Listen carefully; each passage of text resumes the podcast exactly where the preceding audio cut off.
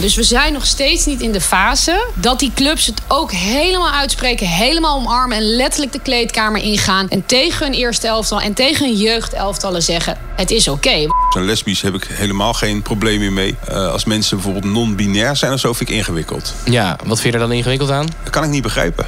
Kijk, discriminatie onder LHBTI'ers op de werkvloer is nog steeds gewoon een ding. Omdat je toch een minderheid bent, dat merk ik wel vooral. Ik word niet eh, zo los uitgescholden op straat. Maar er zijn natuurlijk meerdere vormen van discriminatie of vernederheid daarin. Dat merk ik nog wel heel erg. Genderideologie hoort het woord vaker. Alsof er een soort van groot plan is. Een campagne die van alle trans mensen. Want wij kennen elkaar natuurlijk allemaal van over de hele wereld. Zo lijkt het Ja, wel leuk. altijd. Ja, We zo- nemen- Dat denk jij wel, hè? We nemen langzaam de wereld over. En we hebben een groot masterplan. En dat is onze genderideologie.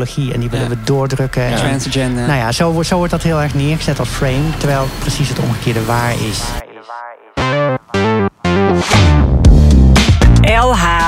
LHBTIQA+.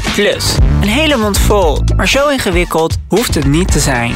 In deze podcast gaan we elke aflevering in gesprek met iemand die een van deze letters vertegenwoordigt. Ik ben Solange. Mijn naam is Luc en welkom bij de H van Hetero.